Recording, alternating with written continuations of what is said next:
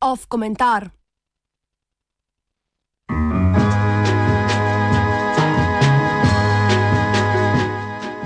Ministrstvo za notranje zadeve je na novega leta dan izdalo pet negativnih odločb o prošnji za azil eritrejskih državljanov.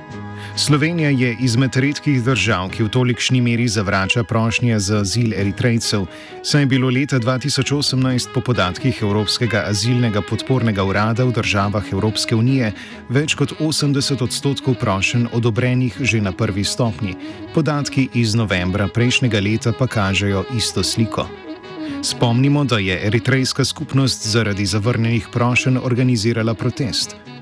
Nekaj tednov po prvih zavrnitvah so prošnjo za azil zavrnili še štirim eritrejcem, prejšnji teden pa še dvema. Od nekaj več kot 20 eritrejskim prosilcem za azil je ministrstvo do sedaj 11 zavrnilo prošnjo za mednarodno ali subsidijarno zaščito.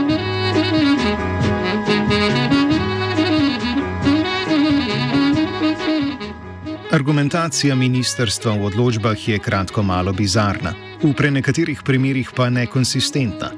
Odločba namreč se stoji predvsem iz dveh ravni. Po eni strani presoja notranjo konsistentnost prosilčevih izjav, torej, če se njegovo navajanje dogodkov in razlogov ujema z izjavami v drugem intervjuju in če so njegovi odgovori na pod vprašanja hitri in niso v nasprotju s prvotnimi navedbami. Seveda, ljudje smo pač notranje protislovni in izjave o dogodkih se razlikujejo glede na okoliščine in čas. V primeru jezikovne in kulturne razlike pa je spodletelost podajanja docela razumljive in skladne zgodbe skoraj da ne zagotovljena. Ker je skladnost tu tako lukničava, je kaj pa da močno odvisno od predpostavke presojevalca, kar pa je v tem primeru Ministrstva za notranje zadeve bolj kot to, da je, če parafraziramo znano krilatico, nedolžen, dokler ni dokazano nasprotno, to, da je kriv, dokler ni dokazano drugače.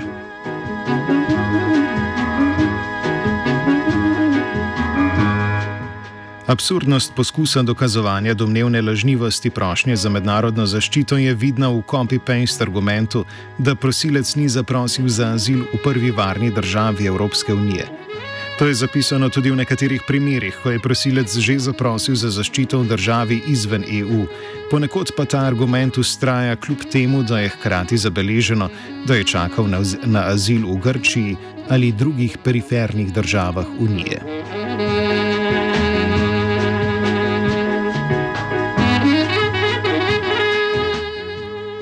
Drugi strani pa se skladnost prosilčevih izjav presoja z zunanjimi dejstvi in dostopnimi informacijami, na podlagi česar je bila tudi zavrnjena večina prošenj za azil eritrejcev.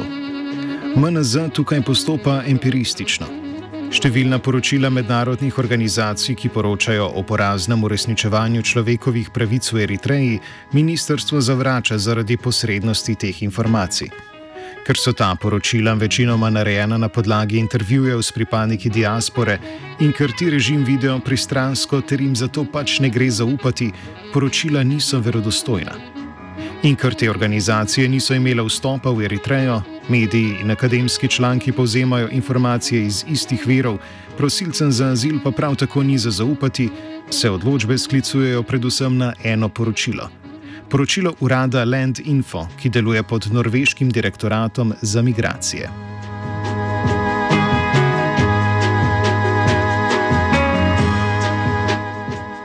Argumentacija v poročilu urada Land Info je močno podobna MNZ-jevi. Poročilo kritizira omejenost poročil, ki temelijo na intervjujih z eritrejskimi begunci, ter povzemanje istih virov in zato stavi na večjo verodostojnost zaradi neposrednega stika s tam prisotno mednarodno skupnostjo, eritrejci in eritrejskimi oblastmi. Ko povzema kazni za dezerterstvo, tako razlikuje med sankcijami, ki so zapisane v zakonu, in tistimi, ki se vdejanjajo v praksi.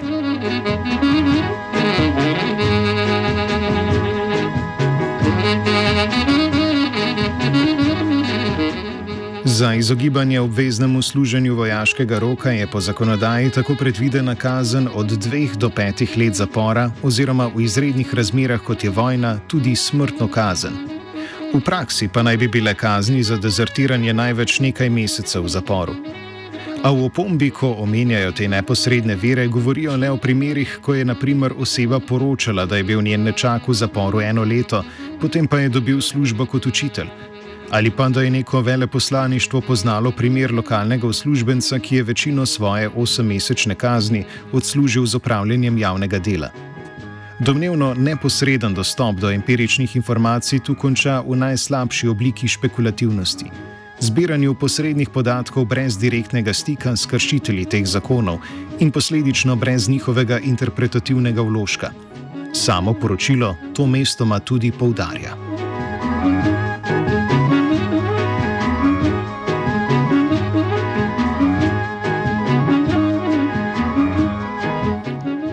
Ko poročilo govori o podobnih informacijah drugih mednarodnih organizacij, poudarja, da so osnovani na eritrejskih verih. Prav tako ne zavrača poročil narejenih na podlagi intervjujev eritrejskih beguncev, izpostavlja le nekatere omejitve posploševanja na podlagi teh virov, čeprav se zdi, da to naredi za ceno izgube perspektive dezerterjev.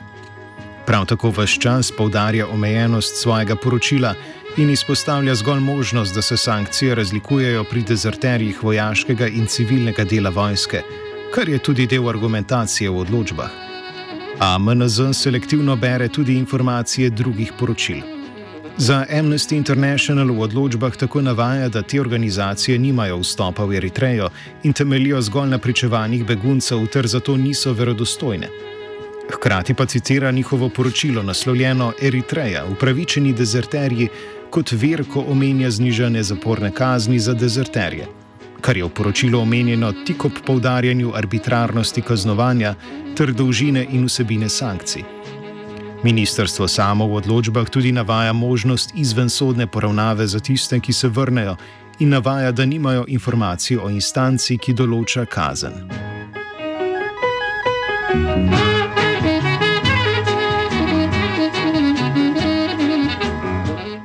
To vrstne taktike niso nove, saj je ministrstvo že leta 2015 sistematično zavračalo prošnje za azil Afganistancem. Tokrat je odločitev o skupini sistematičnega zavračanja toliko bolj bizarna, saj je več kot štiri petine prošen za azil v državah Evropske unije sprejetih. A poljubnost sistematičnosti ima svoj sistemski učinek pri odvračanju beguncev in utrjevanju rigidne azilne politike. Eritrejski prosilci za azil so na odločitev čakali tudi do 18 mesecev. Nadaljne negotovost čakanja v odrinjenosti azilnega doma pač učinkuje tako, da prosilcu ne daje več razlogov, da bi ostal. Kar je tudi učinek, ki je ministrstvu v interesu.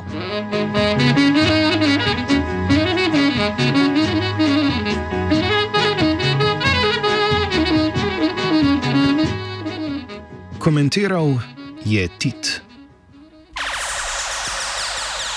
Radio Student.